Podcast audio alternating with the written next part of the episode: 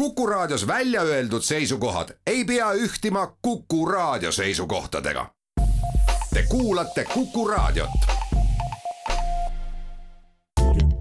tähendused, teejuhid tere pärastlõunat, oleme siis äh, pärast mõnda, pärast mõningat äh, vaheaega jällegi eetris äh, tähenduse teejuhtide uue vestlusringiga, mis number tal saab olema, seda ma ei oskagi öelda. praegu on ta sada seitsekümmend viis, aga kuivõrd tegemist ei ole otsesaatega ja, ja homme on Tallinnas salvestus, siis tõenäoliselt saab see olema sada seitsekümmend kuus või või midagi sinnakanti, aga see ei ole üldse oluline, oluline on see, et me oleme siin äh, kindlasti võib öelda, et tegemist on klassi kokkutulekuga siis üheks, üheksakümne teise saateklassi, äh, uus klassi kokkutulek, et oleme samas koosseisus ja samadel asjaoludel mingil määral täna siin stuudios, et tere tulemast, Jaak Ikas. tere. tere tulemast, Mihkel Kunnus, et. Äh, tere. üheksakümne teine saade, ma just kuulasin seda nüüd rongis veel üle, kui ma siia sõitsin ja ja tegin siin päris palju märkmeid, et, äh, et selle nimi oli Otsatu potentsiaal ja me rääkisime seal äh, siis David Boomist, ühest kahekümnenda sajandi olulisest füüsikateoreetikust ja ja küll ma, ma tegin endale nalja, et küll ma üritasin või tegin endale nalja, et küll ma üritasin Schrödingeri võrrandist aru saada ja ja aga, aga midagi ma sealt isegi sain, et et ühesõnaga ühel pool on meil siis kompleksarv, Jaak, saad sa aru, me ei taha sellesse takerdada, aga, aga saan ma aru, et äh, võrrandis, nii palju kui mina mäletan, neid on ühel pool on vähemasti majandusteaduses oli niimoodi, et ühel pool on sõltuv muutuja ja teisel pool on, see on funktsioon küll rohkem, äh, eks, aga. no mis siis aga teda võib nimetada ka funktsiooniks siis vast või? funktsioon on see lainefunktsioon, see on see psi, mida seal võrrandis arvutatakse tegelikult mille kohta see võrrand käib. ahah no hästi, see on, ütleme äh, kulutada siin nüüd kaks tundi minusugusele Schrödingeri võrrandi lahti selgitamiseks on tõenäoliselt. aga me oleme selleks alati nõus jah, et seetõttu, seetõttu ma mõtlesin, et vaataks täna seda asja, mind huvitab see, reaalselt huvitab see suur äh, ikkagi pööre, mis füüsikas toimub siis kahekümnenda sajandi alguses et see, et võib-olla tooks täna siin, eelmisel korral me rääkisime poomist ja keskendusime kvant äh,, kvantfüüsikale, et võib-olla täna võtaks sellise sammu tagasi ja, ja üritaks aru saada sellest, et mis siis ikkagi toimub kahekümnenda sajandi alguses füüsikas laiemas lai,, laiemas pildis ja aga et sellest veel rohkem sotti saada, ma just praegu mõtlesin, et veel paremini sotti saada, et et järsku hakkaks hoopiski sealt pihta, et mis toimub füüsikas, siis ütleme noh, kus me selle paneme ma, paneme üheksateistkümnendasse sajandisse. oota, ei, ma mõtlen veel, ma mõtlen praegu varasema, hea see eellugu, eks, aga ma läheks isegi veel tagasi mis.... võtame seitsmeteistkümnenda sajandi ikka ka juurde. just, just, just, just, ma tahangi, see, see oli minu, see oli see mõte, et Aristotelese äh, on minu arust kaks suurt murrangut, eks, Aristotelese asendumine Newtoniga ja Newtoni asendumine, ma ei tea, siis kvant, äh, kvantmehaanikaga, olete, kas selle, kas me selles suures skeemi, seda, seda suurt skeemi jagame, et see on oleme selles ühel nõul? jaa, ma, ma arvan küll jah mm. -hmm. Et Aristotelese surm tähendas noh, vaimne surm metafüüsikasfääris siis tähendas seda jah, et eesmärk, põhjus ja sihukesed asjad kadusid ja. ära. eesmärk ja vorm ja põhjus kadusid ära, jäid järele toimiv ja, ja aineline, aineline toimiv, eks. aga Newtonis tõesti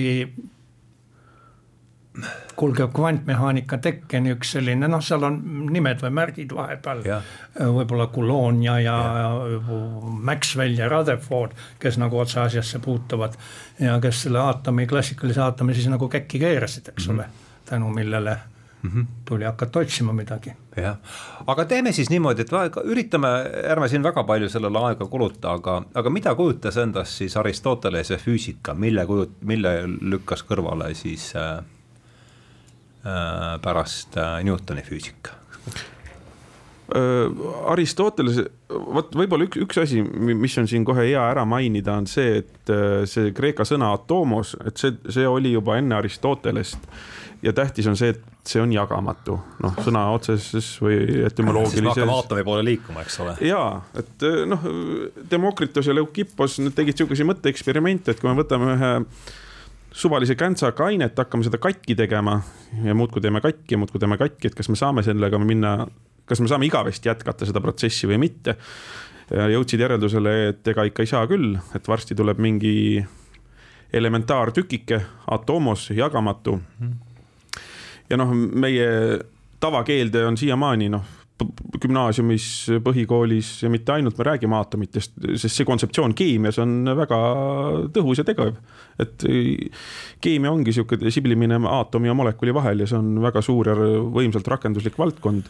aga füüsikas jah, enne kui me hakkame sinna jõudma, on see, võib öelda, et on aatomi lagunemine siis kõige sihukeses metafüüsilisemas mõttes. see nüüd, mis juhtub ikkagi üheksateistkümnendal sajandil. üheksateistkümnenda sajandi lõpus, kahekümnenda alguses jah, et, et selle, selle kohta või, võib A öelda, aga jah lähme võib-olla Aristotelese juurde tagasi. see Aristotelese ja Newtoni pööre, jah. ma, kõige lihtsam võib-olla oleks öelda, et äh, Aristotelese järgi maailmas oli elu olemas see on sihuke kujundlikult öeldes, aga elu oli olemas, et. maailm oli elus teiste sõnadega. maailm oli, oli elus ja elusolendid olid elus. sest kui me oleme sihukesed ranged kartesiaanid, siis selle mudeli järgi ka elusolendid ei ole elus, nad on, eks ju, kõik keerulised mehhanismid mm. -hmm. lihtsalt, lihtsalt väga-väga keerulised. ja, ja ma, see mudel on ju sihukeses igasuguses molekulaargeneetikas või sihukeses hästi lähivaate hästi lähivaate bioloogias ka siiski säilinud või see on noh, tööhüpotees iseasi, kas seda, kas, kas seda usutakse või mitte. ja noh, näiteks, et eesmärk omistatakse ju ainult inimesele. et no see on see res cogitans on see, mis siis jäi, jäi, jäi lõpuks koondus inimese pähe. jah, et see on nagu noh, eriti kui vaadata bioloogilisest ja evolutsioonilisest perspektiivist, see tundub nagu jabur, et mingi inimesega toimus täiesti sihuke imeline hüpe või neokratsionistlik, mingi vaim tuli sisse või eesmärk tuli sisse, aga kellelgi teisel ei ole mm. -hmm. ometigi, eks ju, noh, Aristoteleses ei olnud kammitsetud teatud laboritraditsioonidest ja tingimustest, kuigi ta vist kandis ka valget kitlilaadset asja. aga ta üks, üks noh, üks, mis teda päris palju Platonist eri, eristab inimesena, oli see, et äh, Aristoteles oli suur äh, naturalist ta jälgis loodust väga palju. see oli arsti perekonnas ka vist või? ah,. või, võis olla, vot seda ma ei, ma, ma ei mäleta täpselt. aga ta, ta, ta, noh, ta jälgis tõesti loodust hästi, hästi palju, aga Platon võib-olla jälgis inimesi Jab. ja taevatähti ja matemaatikat, ta oli sihuke abstraktne mõtiskleja rohkem mm. -hmm. ja nende vahelt ju läks sihuke veelahe läbi mm -hmm. ja tegelikult see veelahe, noh, sihuke suurte temperamendi erinevuste voog, et see kestab siiamaani mingis mõttes ma arvan, et võib, võib nii öelda küll. aga Jaak, kuidas sina, mis palju, mis sina mäletad Aristotelese füüsikast või kuidas sina sellest aru saad? midagi ei mäleta, kui aus olla midagi ei mäleta, minu füüsika hakkab ikka, algab Newtoni füüsikast. Newtoni füüsikast jah, jah jah, ja ma, ma võib-olla ma Newtoni juurde teeks sihukese sissejuhatuse, et no niimoodi, kui teha sihukene ülilihtne skeem. eks, et noh, juba Platonil filosoof, nagu ta oli. või see on välja kasvanud sellisest veidrast inimeste klikist, kellel oli väga suur kirg ja kihk teada saada, kuidas asjad tegelikult on mm. -hmm. niimoodi, nad siis nad mõlgutasid seal matemaatiliselt ja igavikuliselt ja ideed ja nii edasi, et noh, kõige tõesem asi on kõige igavikulisem asi, matemaatika, keel. siis vahepeal tuli peale kristlus, eks ju, noh siis neli-viissada aastat hiljem ja jumal on see kõige tõelisem asi ja kõik need inimesed, kes tahtsid tegeleda kõige tähtsamate ja kõige tõelisemate asjadega, pöördasid, pöörasid oma silmad jumala suunas. ja vot, kas see oli, Aquino Toma ütles minu arust, et äh, jah yeah., et kõige, ka kõige tühisem teadmine äh, igavikulistest asjadest on mõõtmatult olulisem kui kõige parem teadmine ajalikest asjadest. noh, see on sihuke antifüüsika, antiloodusteadus, eks ju mm. -hmm. ja, ja kus sa neid igavikulisi tõdesid ikka teada saad, kui püha tekstist, püha kirjast. ja siis väikest viisi tekkis selline arusaam, et see püha kiri, piibel, et see on ka inimeste kirja pandud, sest noh, hakkasid mingid tõlked ja tõlkenaginad hakkasid tulema. järelikult see tekst on ise ebatäiuslik. aga kuhu siis pöörduda? no pöördume jumala loomingu ehk looduse poole, hakkame seda uurima, et see on jumala loo, jumala tekst jah, seal on juba Toomase sihukest äh, jah, et vaata, et kuivõrd loodus on jumala tehtud, siis saame jumala kohta loodust uurida. jaa, aga siis seda. nagu seal Galileo juures tuli pööre, et noh, milles see jumala raamat ehk looduskirja on pandud matemaatika keeles ja siis läks asi juba matemaatiliseks ja, ja siit me jõuamegi Newtonini, eks ju. no sinna tuleks ilmselt panna Descartes vahele, sest Piret, ma mäletan ühes saates ütles, et, et Newtoni kolmest seadusest on kaks, on juba Descartesil olemas või kas ma saan no,, kas see ühtib? oli vist nii jah. vähemalt matemaatiliselt jah, ja siin ma võin küll Jaagule sõna üle anda, et kuidas selle Newtoniga läks või miks on Newton oluline, miks oli Newton füüsikas oluline? miks on Newton füüsikas oluline, tähendab Newton on õige mitme asja pealt või kandi pealt Newton on ka mm, matemaatikas koos Leibniziga tegelikult oluline mm, -hmm. sest ta andis meile vahendeid äh, selliste pidevate muutuste kirjeldamiseks mm. -hmm. kui, kui noh, selle pidevusega olid kreeklastel olid ju igavesed hädad, eks ole, et Achilles ei saa kilpkonna kätte ja mm -hmm. nool seisab ühel hetkel paigal, no kuidas ta siis liikuda saab, eks ole. aga Newtoni kalkuluse järgi tähendab, mis lubab opereerida lõpmata väikeste suurustega ja osutub, et, et äh, lõpmata väikeste suuruste lõpmata suur summa võib anda meile lõpliku suuruse. ja nii, et see oli, see oli kui asja matemaatilise poole pealt vaadata, äh, mis Newton tegi, aga äh, ta muidugi jah, Newtoni seadused, mida, mida me noh, koolifüüsikast arva, arvatavasti mõnda veel, mõnda veel mäletame. käime nad üle ka, ega see ei tee paha meile äh.? aa, no võin käia kõige, kõige tuntum seadus, Newtoni teine seadus on. oota, aga mis esimene on? esimene on, et kõik kehad, mida ei häiri, liiguvad sirgjooneliselt. ühtlase kiiruse. ühtlase kiirusega või ringjooneliselt ühtlase kiirusega mm -hmm.. teisisõnu, kui no võib ka sõnastada niimoodi, et keha kiiruse muutmiseks on vaja jõudu aga tahtsid lisada? nii kaua, kui nii mõni väline põhjus, mida me nimetame jõuks, ei põhjusta nende no, liikumise muutust. nii kaua, ühesõnaga nii kaua, kui kehale ei mõju jõud, säilitab ta oma liikumissuuna, liikumisoleku jah, see, mis ja. on siis nii kiirus kui suund, eks. jah, ja, ja, ja, ja noh, mida no siin on üks asi. eks see on inertsi mõiste siis tuleb siin sisse. see on, need on kõik seotud jah, sest noh, üks, üks, üks asi, mis, mis teeb selle näiteks lastele õpetamise raskeks või keeruliseks mm, -hmm. on see, et äh, noh, kuna me, meil kõik liikumine toimub tegelikult takistusega keskkonnas maal, reaalsuses, eks ju, õhutakistus on ka. aga raske ette kujutada, et kui sa kosmoses, kus takistust ei ole, paned keha liikuma, siis ta jääbki liikuma, eks ju, ta lihtsalt jääbki liikuma ta et, kukub kogu aeg kuhugi no,. kosmoses on ju no, ruumi, ruumi jah, kukkuda jah. küll ju. aga meil ja. puudub see kogemus siin maises meil, meil puudub jah, ja teine asi on see, et äh, ringliikumine on samasugune.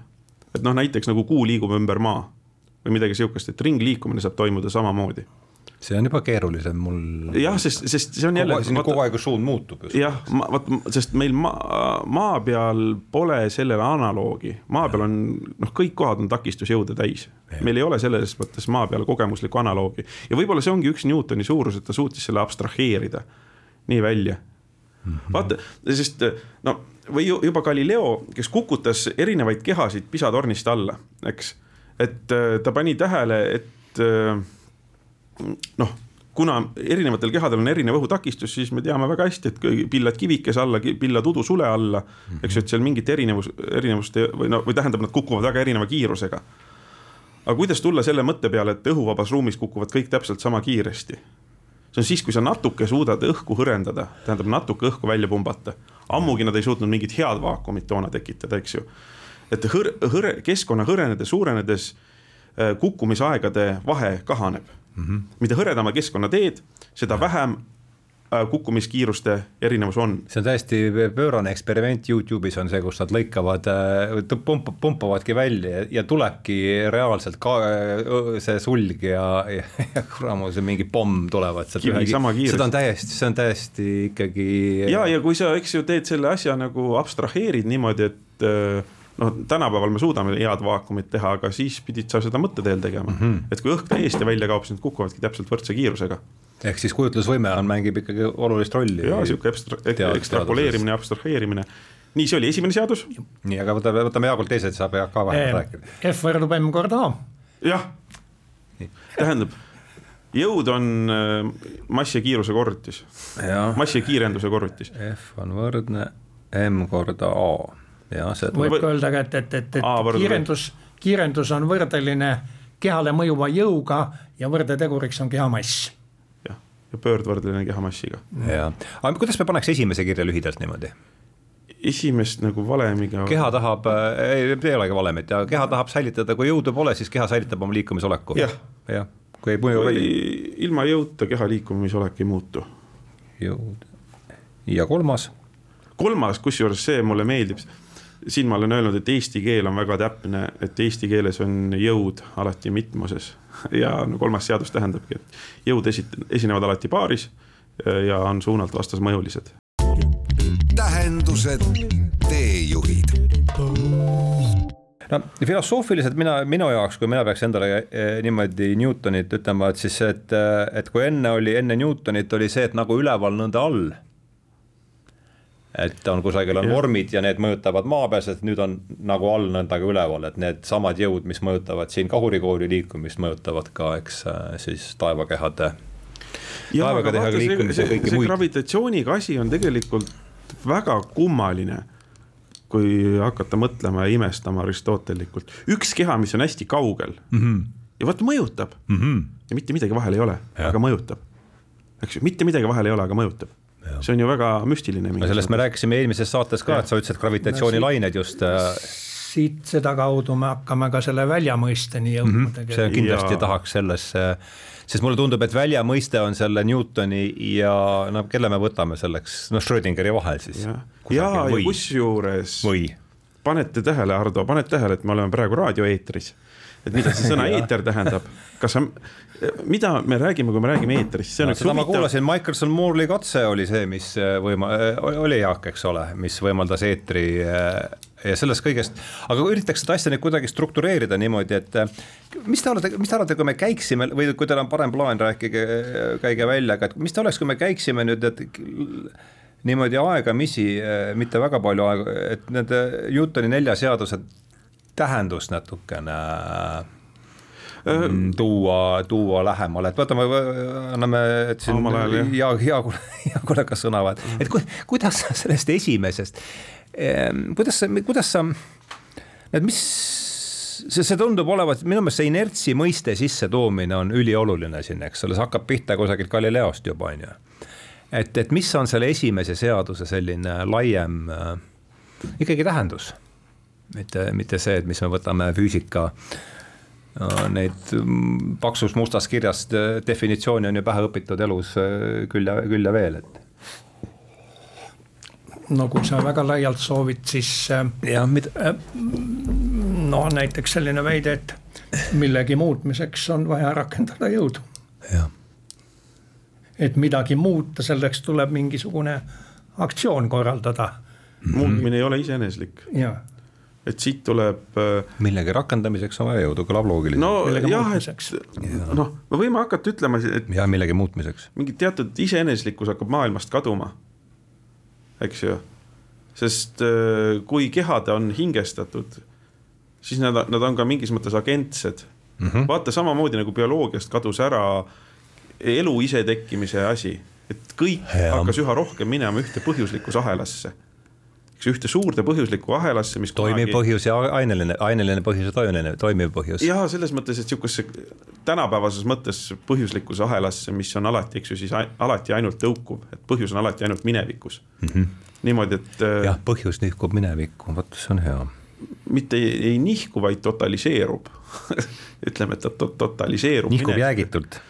see on, see on kõva samm selles suunas. jah eks, no nagu tänapäeval öeldakse, et vares ka ei lenda ilma põhjuseta või ja siin peetakse üldises, no ei, varese puhul vast võib-olla peetakse veel eesmärki silmas, aga mitte miski siin ilmas ei juhtu ilma põhjuseta. et sihuke sügavamõtteline meem, mille võib panna, eks ju, lille, lille, lillefoto peale ja Facebookis jagada. et see on ju üks selle müüdi elujõulisuse näitajaid mm. -hmm. et kõik on millegi poolt põhjustatud. -hmm. et ja, ja, ja sest see on nagu kogemuslikult meil ei ole niimoodi, näiteks kui ma panen asja veerema, kasvõi kivikese mööda maad, siis minu arust ei ole vaja põhjust, et ta seisma jääks. eks ju, sellepärast et see tema seisma jäämine tundub meile kuidagi iseeneslik. ja üldse kehade seisma jäämised tunduvad iseeneslikud. sest kõik nüüd... kohad on takistust täis. jaa, aga me ei näe seda takistust, me oleme harjunud sellega, noh, õhk on ju see sihuke takistus, mida me ei pane tähele või igasugused hõõrdejõud, neid me väga ei pane tähele et meile tundub kogu aeg, et kõik asjad näiteks jäävad seisma iseenesest. ja kogemuslikus maailmas see ongi niimoodi, kõik asjad jäävad iseenesest seisma, vastupidi. hoog lõppes otsa. näiteks hoog lõpeb otsa, eks ju, see on ju täiesti ilus kogemusliku ja. maailma sõnastus. jah. aga Newton ütleb ei, selleks, et mida, mingi asi seisma jääks, on alati vaja jõudu. ja mulle tundub, et see on, see on väga põhja, põhjapanev muutus tundub olevat ja Kuidas... kusjuures ta on suhteliselt kontraintuitiivne, sest seda ei ole lastele lihtne selgeks teha. jah, seda ma usun aga kuidas see haakub inertsi, kuidas see esimene seadus nüüd inertsi mõistega haakub ja kuidas seda üldse minusugusele äh, vaimsete huvidega füüsika kaugele inimesele selgitada? no mis, mis on inerts? ma, ma defineerin inertsi kähku ära, inerts on keha omadus säilitada oma liikumishoina. mida, mida, mida? inerts on keha omadus säilitada oma liikumishulk. oma liikumishulk jah ja.? liikumishulk on impulss või? jah on, on, kas liikumishulk erine, erinevatel kehadel võib see olla erinev, sõltuvalt ja. nende massist. mida suurem mass, seda mm, liikumishulk, impulss, P võrdub M korda V. seda suuremat jõudu on vaja tema takistamiseks, ütleb ja, minu, minu liiku ja, seisma panekuks, eks ole. mm -hmm sest et noh, ütleme ka seda Tarnast lugedes ja kogu seda filosoofia ajalugu vaadates, et see mulle, mulle ta, ta rõhutab just seda inertsi et inertsi mõiste kasutuse tulek on ikkagi väga oluline, et kas me saaks, ma ei tea, natukene võib-olla teeme siin veel ühe ringi sellele ja.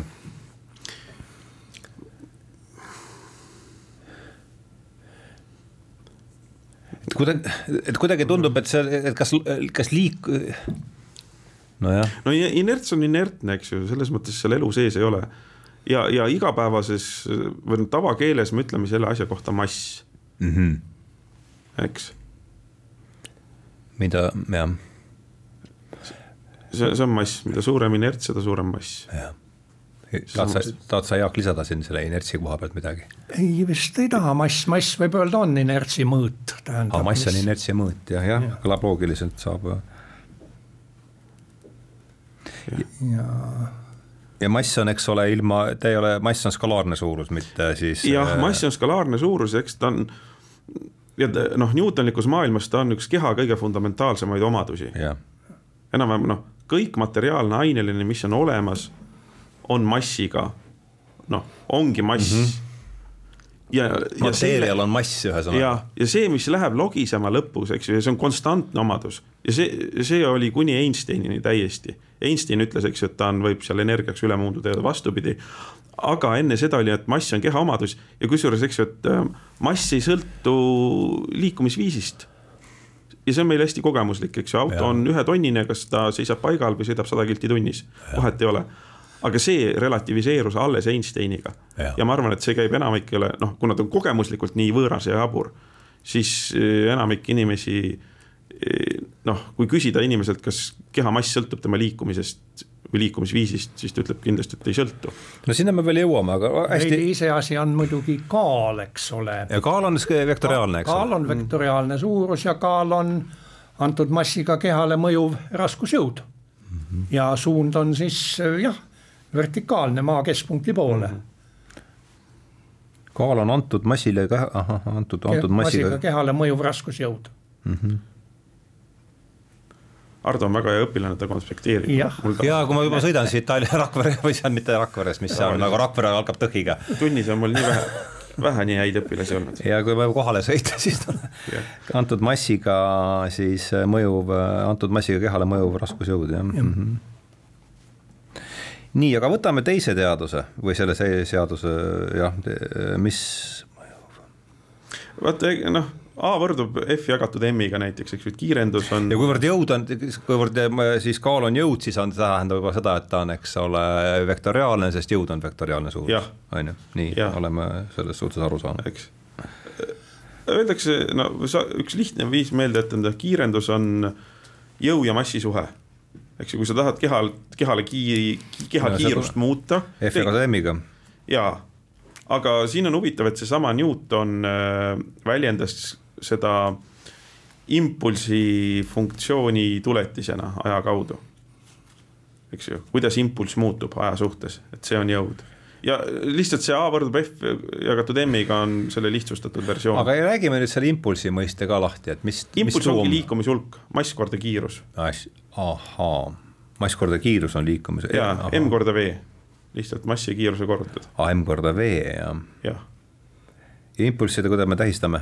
B-ga. B-ga jah. liikumishulk, ahah. ja, sest kui sul liigub mingisugune keha massi ja kiirusega noh, ütleme tema seismapanekuks tuleb siis rakendada mingisugust jõudu. see jõud on seda suurem, mida suurem on mass ja ka seda suurem, mida suurem on kiirus.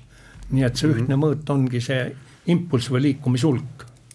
ja, ja sellest, et oota, aga kas meil kiirus on ka skalaarne või? ei ole.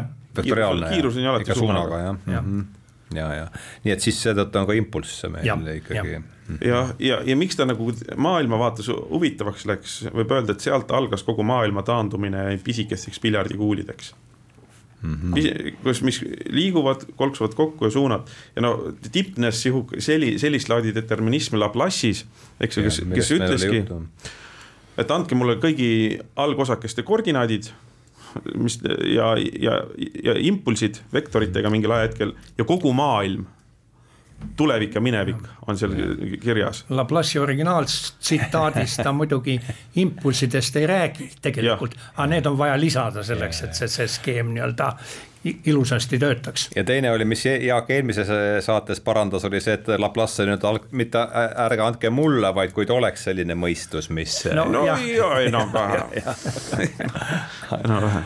aga ma jah kuulasin. aga noh, selles mõttes, et see maailmavaade.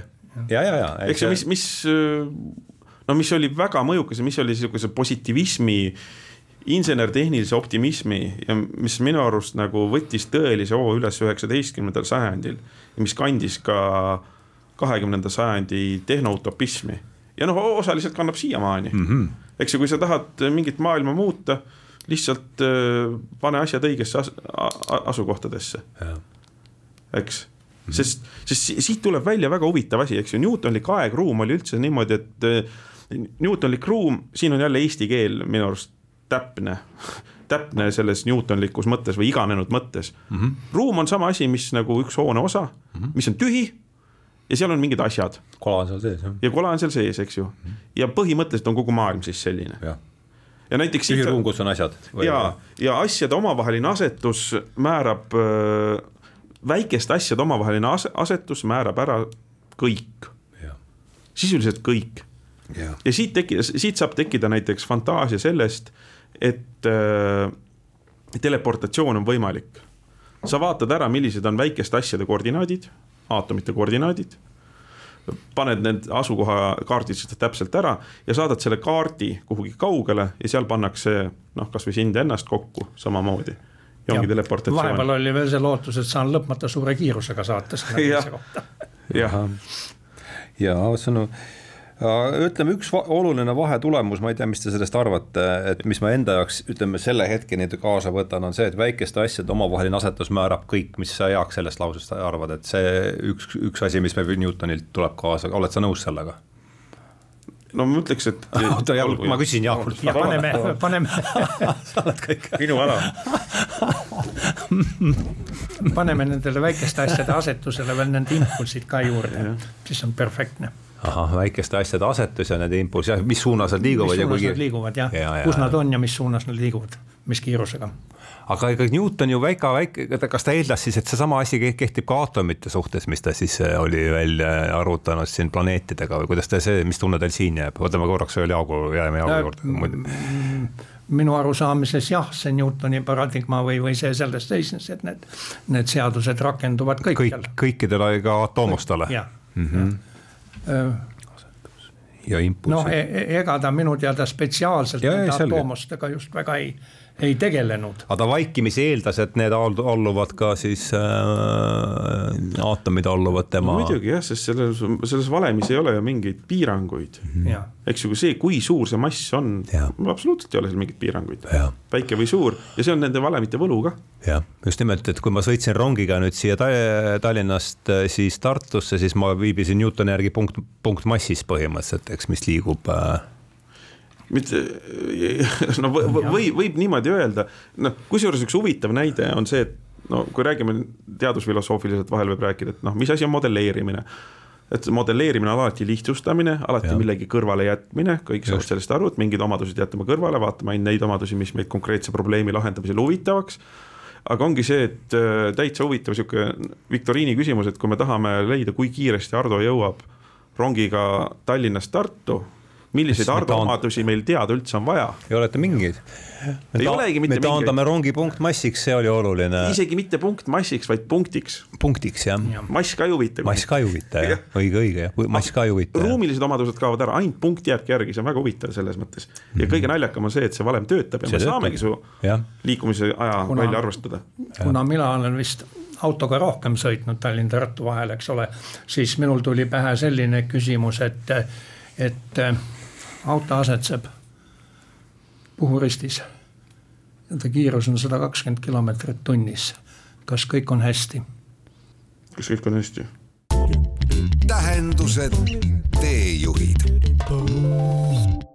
vaata, Pope'il oli üks, oli minu arust Aleksander Pope'il see luuletus, et saagu Newton kõik helendama lööb või? jah, mul tuleb küll see Pope, see oli vist Pope küll jah, et Saagu valgus ütles ja midagi jah. ja eks see umbes, Newton ütles Saagu valgus. jah, pigem nii. ja, ja kõik lööb, lööb selgeks, aga see, mis kvantfüüsikaga ja termodünaamikaga tuli, oli niimoodi, et kui sa lähemalt vaatad, läheb kõik segaseks ja sogaseks tagasi. sest see üheksateistkümnendasse sajandisse võib-olla jäi see valgustusliku entusiasmi kõrgaeg, maailm tundus hästi selge. ja pärast läks ta igatpidi nii uduseks ja häguseks ja räpaseks tagasi aga kui sa nüüd luuletamise peale nagu viitasid, siis ma vahepealt leidsin, et seesama James Clerk Maxwell, keda me siin vahepeal põhjasime ja süüdistasime, on ka luuletusi kirjutanud ka sel, sellistel füüsikalistel teemadel. ma nii, nii. paar stroofi loeks ette, eh, mis kirjeldab siis nüüd kehade liikumist ja põrkumist. Given a body meet a body, flying through the air mm. -hmm. Given a body hit a body, will it fly and where? Giving a body meet a body, altogether free. How they travel afterwards, we do not always see ja võtab kokku ühte, ühte ilusasse kujundisse kokku selle, mis me siin oleme täna. vemmalvärsid. ilusad vemmalvärsid jah. ütleme, et okei okay,, Goethe oli luuletajana suurem aga Goethe iseennast pidas muidugi palju suuremaks teadlaseks kui luuletajaks no, jah ja universaalne oh,. aga siis oli ju veel see, noh, sellest ei jõua rääkida, aga Youngi, kui me siin ajatelje peal läksime, Youngi katse oli tuhat üheksasada, tuhat kaheksa, tuhat kaheksasada kaks, ma mäletan. see kahe, kahe pilu katse, kaksikpilu katse, jah no see oli jälle üks sihuke, mis on kohutav peavalu, eks ju. asi läheb see ja sealt, vot seal tundub äh, veel noh, ühenduskoht, eks ju, see termodünaamikaga vaadake, et pilt hakkab üha selgemaks minema siis, mida rohkem sa neid e-, elektrone sealt läbi pilude kupatad. et sa kupatad ühe, ühe elektroni pilust läbi, sa ei oska üldse ennustada, kuhu ta läheb. aga kui sa neid piisavalt palju lased, siis tuleb suhteliselt okeid, äh, suhteliselt äh, selged interferentspildid, eks mm. -hmm. ja, ja siin, siin on vaata, vaadake jälle, kui me, kui me võtsime sihukese Laplace'i aja, siis on ju kõige parem, kui sa saad ühe keha, sellele liikumisvõrrandid ja kõik on nagu täiesti selge. aga siin on see, täpselt see tagurpidi efekt, kui sul on üks asi, üks elektron liigub, mitte midagi selle kohta öelda. elektronkiire kohta veel saad ja. elektronkiir on siis mis asi, elektron? no seal, kus on palju elektrone voogab, siis, eks ju et noh, et asi läheb selgemaks siis, kui on palju, siis keskmistub kuidagi selge, selgem pilt välja. jah, ja mis mulle eriti meelde, on see, et see tõenäosus ei näita, näita mitte seda, kus see pallik on, vaid kogu see elektron ise on laiali määritud Aha. kogu. vaid kus ta, kus ta nii-öelda detekteeritakse või noh, see täpp on see, kus ta laiaks lüüakse. no kas see on, kas see on see lainefunktsiooni kollaps siis või? Nii vähe, võib-olla ma kasutan. no tähendab, lainefunktsiooni kollaps on, on, on, on see protsess, mida ta... siis mõõtmisaktiga seotakse või, või, või sellega. see, kus ta lõpuks on ikkagi see punkt, punkt leitakse, eks ole. kus ta maandatakse aineliseks, sest tavaliselt on selleks mingi keemiline reaktsioon. ah nii, nojah, muidugi jah. tavaliselt on selleks mingi keemiline reaktsioon, mis tekitab sinna selle täpi. ühe nime tahaks veel lauale visata. see on Sabine Hossenfelder Sabine. Sabine Hossenfelder. vot see nimi ei ütle mulle midagi. ma annan sulle selle, sa võid sealt selle. Sabine Hossenfelder, nii. Äh, tema on selline daam, kes, ta on füüsikteoreetik, noh, paduteoreetik või, või seal kusagil kõrgetes mateeriates.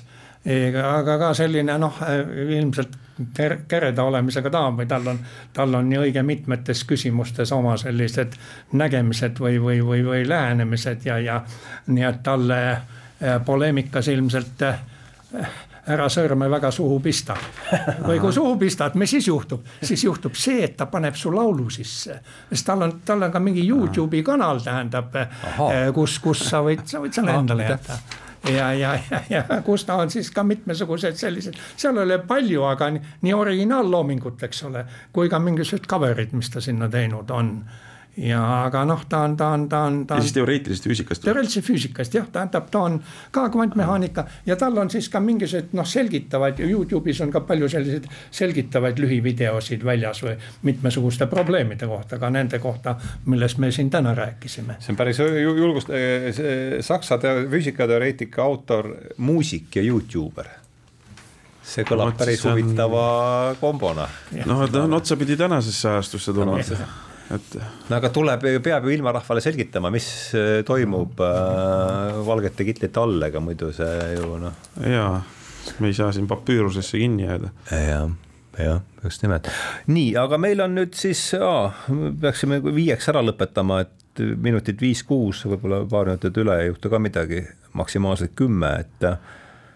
kas kuidagi selle jutu kokku võtma täna, kuidas seda teha? Kui eelmise saate, mis selle eelmise saate nimetus oli? otsatu potentsiaal. potentsiaal. nüüd on otsatu hägu võib-olla põhja, põhjatu. põhjatu jah, põhjatu. ja, ja aga mul on teine, minu, minul vilkus peas teistsugune teade, see, et absurdne loodus ja siis sellesama Feynmani, Feynmanile viidates, et, et kvantfüüsika näitab loodust sellisena, nagu ta on või nimelt absurdsena, et mis sellest arvate? mis üldse Feynman on, kas Feynman ütles nii või? Feynman on niimoodi öelnud jah, ma täna vaatasin. ja no võimalik, võimalik, ei taha vastu vaielda. jah ja, ja võib-olla, võib-olla, võib-olla veel see ka, et äh, ei ole, et täiesti elus on see traditsioon, mis usub, et äh, olemise põhja saab matemaatiliselt ära kirjeldada. ja siin ma viitan praegu olemise neljanda, neljanda novembri Sirbile selle aasta oma, kaks tuhat kakskümmend kaks kus siis äh, äh, akadeemik Martti Raidal, Keemilise ja Bioloogilise Füüsika Instituudi juhtivteadur ja Kristjan Kannike, Keemilise ja Bioloogilise Füüsika Instituudi vanemteadur, räägivad ühest katsest veeposoni massi kaudu kvantmaailma uutest tulemustest. Et kas tehtud on kauaoodatud avastus, üles leitud uus füüsika või on tegu mõõtmisveaga. Nad jäävad skeptiliseks, et tegu võib olla siiski mõõtmisveaga või mõne logiseva juhtmega aga isegi kusjuures see logisev juhe ei ole, ei ole nali, sellepärast et äh, ma loen siit ühe lõigu ette, toome mõned näited. mõned aastad tagasi avastati neutriinod, mis liiguvad valguse kiirusest kiiremini. selline asi tähendaks Einsteini relatiivsusteooria lõppu ja kogu meie maailmapildi ümbervaatamist mm. -hmm. Ma mäletan kusjuures seda sahinat veel siis. nii drastilisi meetmeid siiski vaja ei läinud, sest tulemust seletas süstemaatiline viga, logisev juhe, juhe detektoris et oligi üks lohisev, logisev juhe. ja siin nad nüüd mõtlevad, et eks ju, et siin oli ka nüüd veeposon, veeposonit, et kas seal, et kuna tema mass mõõtmisel osutus standardmudeli ennustustest nii erinevaks, et kas nüüd tuleb uus, uus, uus füüsika. ja nad ka siis ütlevad rahustavad, vaatame, et võib-olla mõni juhil, juhil loguseb, et mm -hmm. kontrollime paremini. Ja näed, ja siis üks väide siit huvitav jälle. uus tulenu, tulemus erineb standardmudeli ennustusest sedavõrd, et võimaldab väita, et standardmudel ei kirjeldagi reaalsust täielikult. sest see mhm. tähendab, et on ühtlasi elus siiski veel usk ja lootus, et standardmudel kirjeldab reaalsust täielikult. et see mudel ei ole kuhugi kadunud või see usk ja ma arvan, kusjuures, et see usk on vajalik, eriti sihukestel, kui sa oled tõeline teoreetilise füüsika teadur, siis on vähemalt instrumentaalselt tervislik sellesse uskuda kus muidu ei viitsi, sest minu arust nagu tuleb meelde Paul-Eerik Rummo luuletus äh, Kinni hoides. tuleb, tuleb sulle see luuletus meelde või? ma, mina ka peast, ma räägin, mäletasin seda peast, aga ma nagu kinni, kes saab kogu aeg Marxis, kes kui ees, kes saab. väga ilus, suurepärane luuletus minu arust. kinni hoides, jah sest ma mäletan, kui mina. enne õuna kinni hoidmas puust õhuakrobaati teise suust, nii ta hakkab pihta. jah, jah super, väga ilus, väga ilus. aga teeks, võta, läheme siis viimase küsimuse juurde, nüüd mul tuli meelde, kuidas asja, idee, kuidas asja ära lõpetada, Will Durant. Ühendriikide filosoof, filosoof on lugusid loo, mitte loomadest, vaid filosoofiast pigem ikka on tema see. on öelnud, et kahekümnenda sajandi filosoofia on füüsika ja psühholoogia vastasseisu lugu. kuidas, andke palun paari mängige selle palliga palun natuke, midagi sellist, et kahekümnenda, kahekümne või ütleme, uus filosoofia on füüsika ja psühholoogia vastasse lugu, midagi sellist enam ei ole täpne tsitaat, aga midagi. kuidas, kuidas teie sellest aru saate? ma saaks olla nagu hästi kohutavalt halb intervjueeritav selle koha pealt, ma vastaks lihtsalt jah nii, no fair enough jah, kui, kui, kui psühholoogiat me käsitleme kui sellist inimliku olemuse kokkuvõtet või, või, või, või kogemuse kokkuvõtet või eh, siis see tõepoolest, see kogemus läks ju vastuollu kahekümnenda sajandi füüsika, füüsika arengute või, või tulemustega või, või seisukohtadega. ja ma ütleks lihtsalt ka, et see et noh, psühholoogial kukkus sama, hingel kukkus samamoodi põhi alt ära. ma mõtlen psühhofenomenoloogiliselt, eks ju Freudiga, Freud ütles, et eks ju, et on mingid alateadvused, värgid ja kõik hakkasid kinnitama tuletati julmalt meelde unenägusid, et kuulge, vaadake, see on ka psüühika osa ja nii edasi.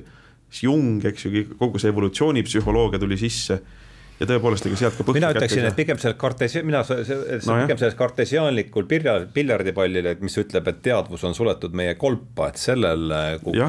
ja see, ma, mulle, miks see teema mind tegelikult huvitab, on ju see hoopiski see, et mulle tundub, et mida, et me, et see, et kuidagi see, see kvant revolutsiooni viljad hakkavad nüüd jõudma sellisesse massipsühholoogiasse kuidagi üldse, meie maailma tajusse ja, ja, ja mulle, mulle tundub, et see on sihuke, sest äh, Stanislav Grof äh, on öelnud, et, et sellel ajal, kui füüsika tegi läbi, eks äh, kahekümnenda sajandi alguses revolutsioonilise muutuse, jäid kõik teised teadusharud mis olid seni füüsikat enda eeskujuks pidanud kinni seitsmeteistkümnendasse sajandisse, ehk siis Descartesi juurde, et võib-olla sellele, see võib-olla see inspireerib vähe pikema vastuse sult, Mihkel, ja, ja, ja, ja mis sa sellest no, mõttest arvad? siis niisugune mõiste nagu physics envy või füüsikakadedus on ju täiesti äh.... ja, ja ma, ma, ma, ma sellega täiesti nõus, ma lihtsalt äh, te, teeks äh, sellise paranduse, minu arust Lotman on seda öelnud, et äh,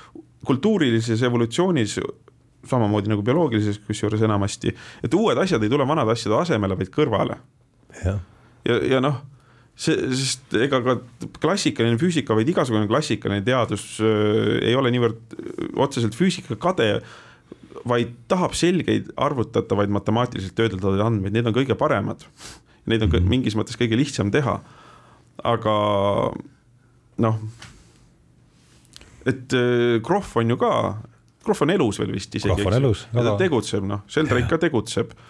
Jung tegutseb, Jungi, Jungi järgijad tegutsevad kõik noh, Alar Tamming tegutseb, möllab, eks ju, lihtsalt nad ei ole kuskil võib-olla nii suurte. aktuaalses kaameras ei ole iga päev ja seal on. jah, see ongi see, et see ilmselt see hakkab jõudma aktuaalsesse kaamerasse kogu see, see, see teema ütleme selle kvantver-, ütleks nii, et kvantver- ja Aktuaalne kaamera muidugi kujundina loomulikult mõeldud.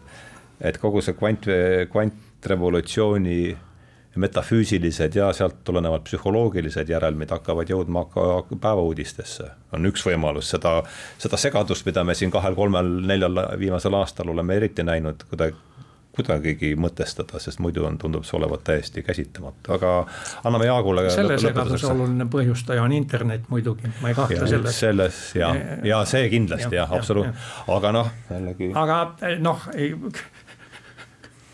seegi kaude ju, eks ole, nende arvutite kaudu ja kiipide ja pooljuhtide just, kõige kaudu, tähendab, see jookseb sinna kvantmehaanikasse sisse või välja, eks ole. Nendesse kvantme tahkise füüsika noh, kvantmehaanilistesse uuringutesse ja, ja, ja. ja olgem ausad, pool juht ja kiip, ega seda ju mingisse kuradi normaalsesse füüsikasse üles ei ehita.